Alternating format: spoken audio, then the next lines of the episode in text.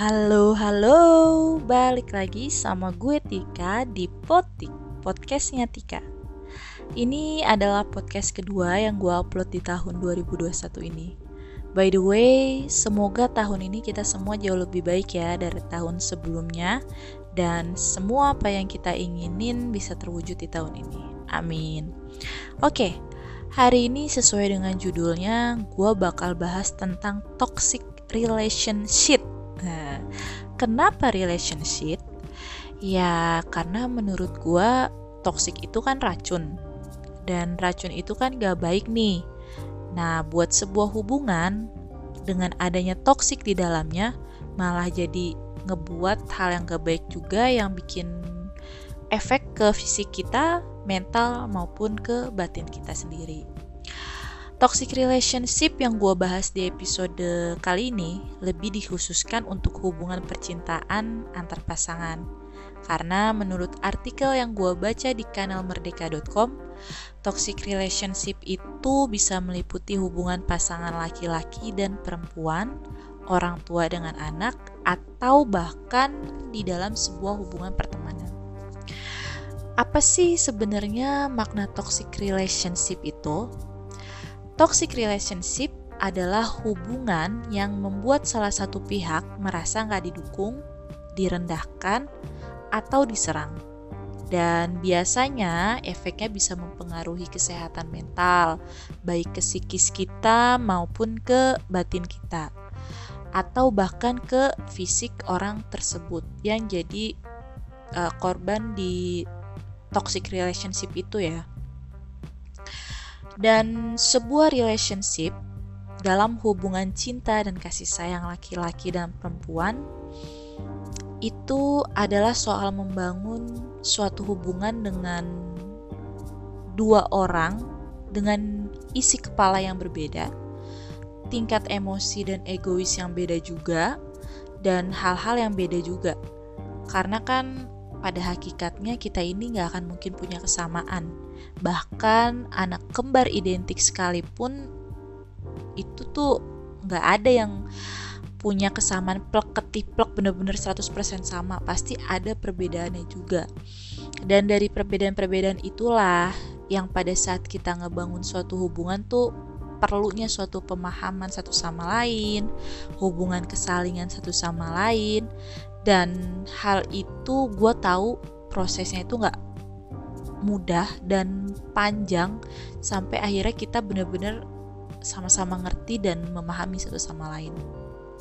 Dan namanya sebuah hubungan juga nggak selalu tuh nam apa namanya adem ayem aja. Nggak selalu unyu unyu terus. Pasti adalah hal-hal yang jadi masalah. Tapi tergantung kita nyikapinnya jadi hal yang besar atau ya kecil lah sepele yang nggak perlu kita anggap sebagai sebuah masalah. Nah, biasanya nih ya, sebuah masalah itu bisa jadi toksik di dalam hubungan yang dijalanin. Walau nggak semuanya sih, masalah itu bakal jadi toksik. Tapi menurut pemikiran gua, kalau sebuah masalah yang berulang dan udah sering untuk diperbaiki, tapi ya keulang lagi nih keulang lagi justru jadi toksik buat di hubungan yang dijalani. Dan akhirnya yang ngebuat salah satunya merasa kayak ada tekanan dan gak nyaman lah jalanin hubungan itu. By the way uh, di episode kali ini gue bakal ngebahas sedikit cerita gue dengan pengalaman gue di hubungan yang pernah gue jalani. Jadi ya pasti ada unsur gue bercerita tentang mantan gue dan gue meminta maaf sebelumnya kalau cerita gue ini ya mungkin bisa menyakiti mantan gue atau nggak bisa diterima dengan baik oleh mereka. Tapi ya inilah yang gue rasakan pada saat gue menjalani hubungan dengan mantan gue gitu. Jadi ya kalau mereka ngerasa nggak ada yang suka ada yang nggak suka atau ada yang ngerasa bahwa oh ini salah nih ya udah gitu kan. Ya mungkin lo punya pandangan yang berbeda atau rasa yang berbeda pada saat itu ya terserah tapi cerita yang di dalam ini ya inilah yang gue rasakan pada saat uh, gue di dalam suatu hubungan bersama mantan gue itu. Dulu gue pernah terjebak di sebuah hubungan yang gue anggap jadi toksik waktu itu gue masih zaman kuliah. Gue pernah pacaran sama cowok yang hmm, temperamen banget dan tapi kalau lagi baik dia tuh bisa baik banget. Pernah satu waktu gue jalan nih sama si cowok itu dan gue pernah dimarah-marahin sama dia di tempat umum.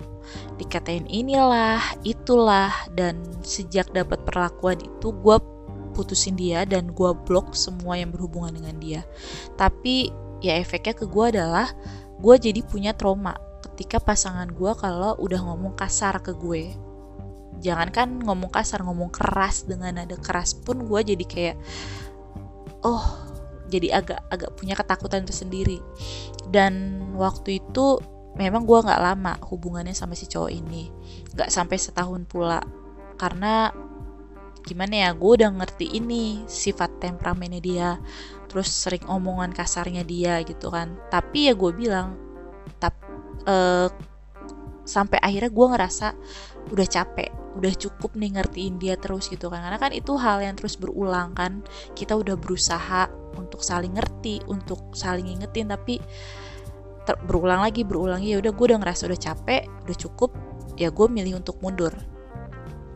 Walau saat itu gue tahu sebenarnya keselamatan gue sendiri pun masih kayak terancam lah. Karena gue berpikir bahwa si cowok ini tuh bisa ngelakuin apa aja ketika kita pas abis putus waktu itu tapi ya alhamdulillahnya enggak.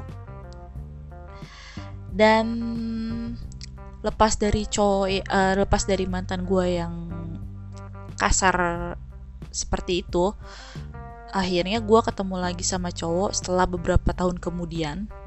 Dan terakhir uh, eh, gue merasakan toksik lagi dengan si mantan gue yang gue pacari hampir selama 2 tahun dan kita sudah punya rencana untuk menikah pula. Udah saling kenal orang tua, udah saling kenal keluarga juga.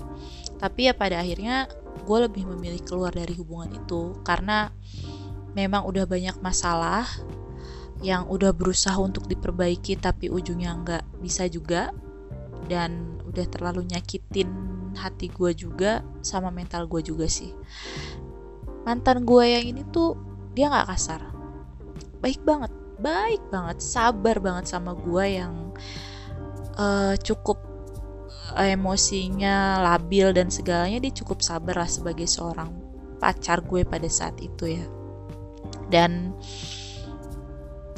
sayangnya ya manusia itu kan gak ada yang sempurna pasti ada kekurangannya dan gue menilai hal itu ada di diri dia gitu loh. Dan pasti pun dia menilai gue juga ada kekurangannya di balik kesabarannya dia baiknya dia sama gue tapi sayangnya dia tuh punya sifat yang menurut gue aduh ini kayaknya gimana ya? gitu. Dia tipe orang yang gue nggak ngerti apakah ini benar atau salah ya. Ini hanya penilaian gue aja dia itu cukup perhitungan, pelit, medit, merki, dan sejenisnya. Tapi ini sekali lagi adalah pandangan gue aja, penilaian gue dengan rasa yang pernah gue alami selama berhubungan dengan dia. Selama hampir 2 tahun itu, ya gue selalu sabar. Walau gue pun tahu dia juga uh, memendam lah memendam kekesalan juga sama gue lah dengan sifat-sifat gue awal kenal sama dia dia tuh baik banget. Ngertiin gimana caranya memperlakukan cewek, gimana caranya memperlakukan seorang pasangan setelah yang gue lewat dari mantan gue yang terakhir uh, itu yang gue ceritain yang kasar itu kan. Terus gue ketemu dia yang sabar baik banget bisa ngertiin gue bisa memperlakukan gue dengan baik. Dan tiap jalan ya kita gantian lah soal urusan uang ya. Ya minimal kita patungan lah soal makan ataupun hal-hal lainnya. Setelah hampir enam bulan si mantan gue ini mulai berubah setiap gue ajak jalan tuh kayak orang yang ketakutan. Mau diajak jalan tapi ya kadang nggak makan gitu ya. Ya cuman sekedar jalan-jalan aja. Kalaupun makan ya itu gue yang ngajakin kayak makan yuk gitu. Karena ya gila kali ya gitu kan. Udah jalan misalkan nih muter-muterin mall gitu terus lu cuma jalan-jalan doang lu nggak makan nggak minum langsung pulang itu apa kaki lu nggak gemeter kan gitu kan. Apalagi gue sebagai penderita mah apa itu nggak kambuh mah gue kan. Ya otomatis pasti makan kan gitu. Dan itu setelah gue yang ngajakin baru tuh kita makan. Kalau nggak gue ajakin ya udah kita cuman jalan-jalan doang habis itu pulang terus pada akhirnya karena itu terus berulang kan akhirnya gue tegur dia dong lo tuh kenapa? Kok bisa kayak gini? Kok lo berubah nggak kayak dulu? Gue bilang kan masalahnya apa? Yuk kita cari solusinya sama-sama. Dan pada saat itu masih bisa diperbaiki masih bisa uh, kita masih bisa nemu solusinya lah pada saat itu. Sampai pada suatu saat kita pernah makan di tempat stik murah gitu di daerah Jakarta Barat. Dan itu terkenal banget tempat stik itu. Terus kita nyoba makan di situ dan seingat gua kita berdua makan itu cuman ngabisin 150 ribu. Itu udah makan sama minum. Itu berdua. Dan itu murah banget kan? Nggak mahal dong 150 ribu berdua ya kan? Pada saat bayar gue pikir dia ada di samping gue kan. Karena di kita keluar dari kursinya kan bareng kan. Terus itu antrian di kasir itu cukup panjang dan gue pikir dia ada di samping gue. Pada saat gue mau bayar ternyata dia udah di udah ada di luar deket parkiran. Terus dengan polosnya setelah gue bayar gue keluar dari antrian kasir itu dia cuman bilang kok kamu yang bayarin? Padahal aku mau bayarin kamu loh katanya dalam hati gue gue cuman ngomong gini ya.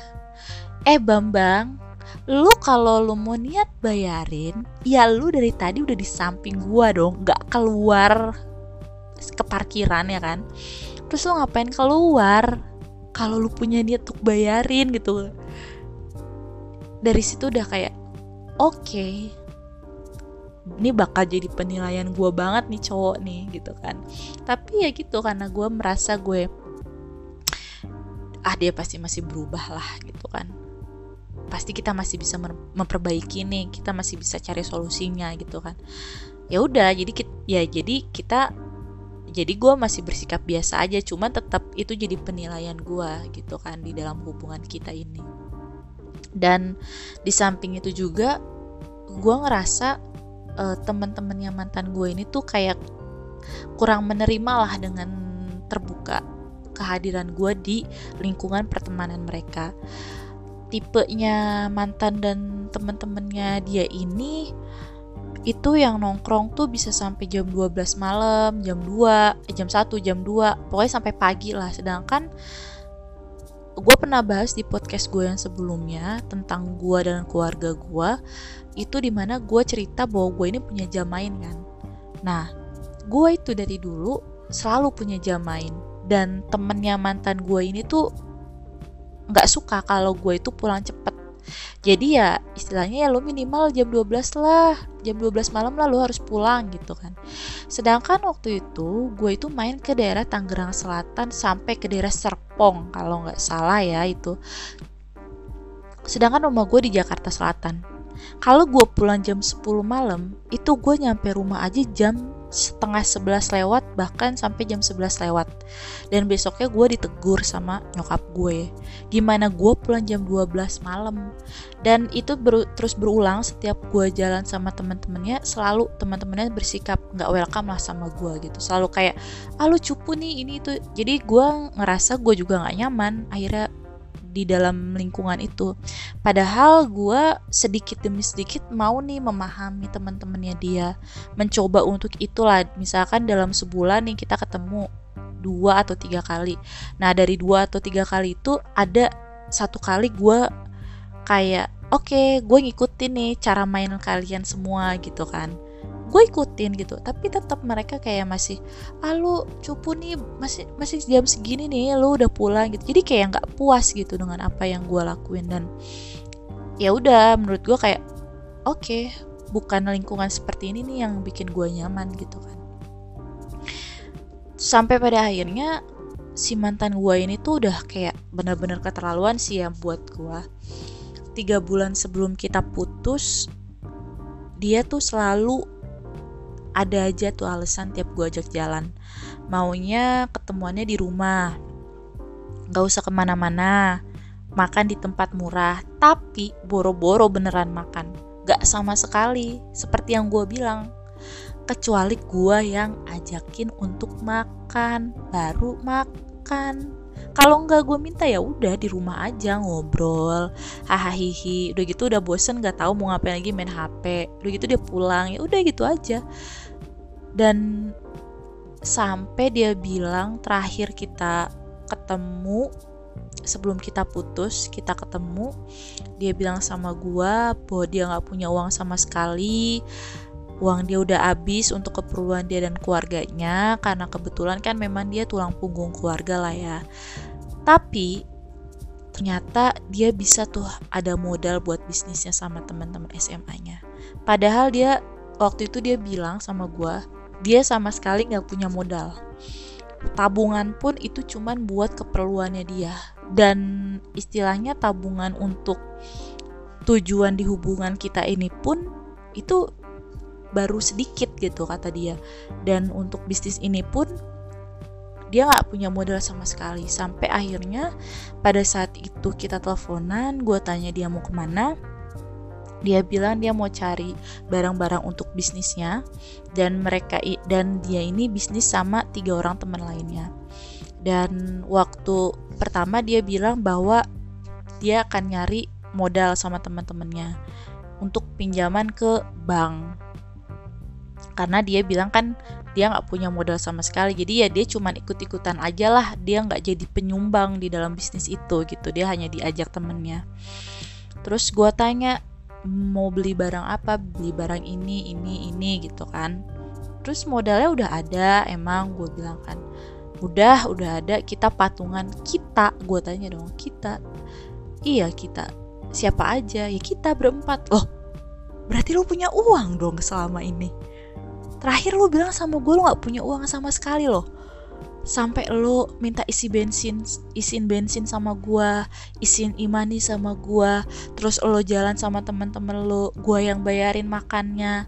Dan lo bilang lo gak punya uang dan lo bilang lo lagi beli barang sama teman-teman lo dan patungan. Semenjak ya semenjak kejadian yang di kasir itu itu kan udah jadi penilaian gue gue udah punya tanda negatif nih sama si mantan gue ini. Ketika gue dia cerita seperti itu gue udah ngerasa kayak oh ya udah berarti nih ada sesuatu yang salah nih di antara hub di antara kita nih. Di hubungan kita tuh kayak ada yang salah nih.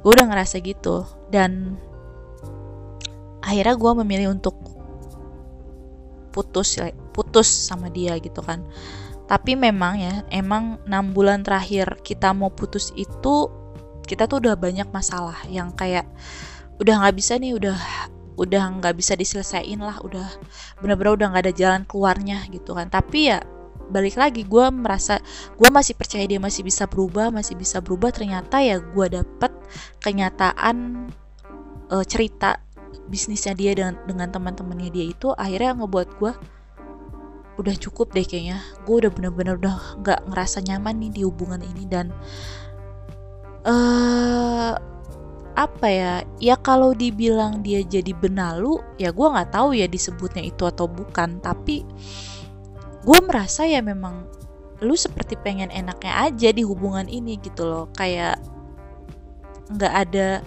nggak nggak ngerti cara lu memperlakukan gue sebagai pasangan. Jadi kayak lu sibuk dengan diri lu aja gitu tapi lu nggak pernah memperhatikan gue apa yang gue mau apa yang gue pengen. Jadi kayak kita kayak jalan sendiri-sendiri aja gitu kan. Dan akhirnya kita putus dan setelah kita putus gue lihat dia balik ngejim lagi. Dan gue ngerasa kayak oh ya mungkin memang dia belum seserius itu sih hubungannya sama gue dan hmm, memang kita kayak masih mungkin sendiri-sendiri ya sibuk dia dengan keinginan-keinginannya dia dan gue pun terlalu banyak berharap dengan keinginan-keinginan gue di hubungan kita pada saat itu. Dan akhirnya ya udahlah kita putus dan ya terakhir gue komunikasi sama dia di tahun ini eh di tahun lalu uh, di Desember tahun lalu dan uh, gue secara pribadi meminta maaf sama dia. Mungkin ya pasti ya gue pasti ada kesalahan-kesalahan juga sama dia dan ya udah gitu kan. Karena buat gue ada satu hal yang mengganjal pada saat kita putus yang belum diselesaikan secara baik dan uh, akhirnya gue memulai untuk mau, uh, meminta maaf sama dia dan uh, supaya gue merasa bahwa kita benar-benar sudah melepaskan satu sama lain aja gitu. Jadi kayak ya udah gue udah meminta maaf dan dia juga sudah memaafkan gue ya udah gitu kan. Jadi ya menurut gue toxic relationship itu nggak harus lo dapat luka dulu luka fisik dulu terus lo baru bilang bahwa gue ini udah kena toxic. Menurut gue nggak gitu konsepnya. Suatu hal yang akhirnya buat lo nggak nyaman dalam suatu hubungan tapi dengan syarat lo sama pasangan lo udah sama-sama berusaha memperbaiki terus cari solusinya sama-sama tapi ya ujung-ujungnya lo nggak ketemu nah ya menurut gue itu udah jadi toksik karena hal itu kan udah berulang, berulang, berulang, terus lo berusaha perbaiki, berulang lagi, berulang lagi. Itu udah toksik menurut gue. Dan hubungan itu walau dibangun dari perbedaan, setidaknya ada kenyamanan di dalamnya aja tuh udah bisa jadi modal. Karena hidup itu kan selalu ada masalah dan masalah itu akan terus ada tapi kalau kita nyaman di dalam suatu hubungan, ada rasa nyaman di suatu hubungan itu, masalah apa pun itu bakal terselesaikan dengan baik. Karena ujungnya itu bukan lagi soal rasa nyaman yang jadi modal, tapi udah jadi cinta, sayang, dan saling ngebutuhin satu sama lain untuk akhirnya bisa jalan bisa jalan bersama sampai pada akhirnya nanti.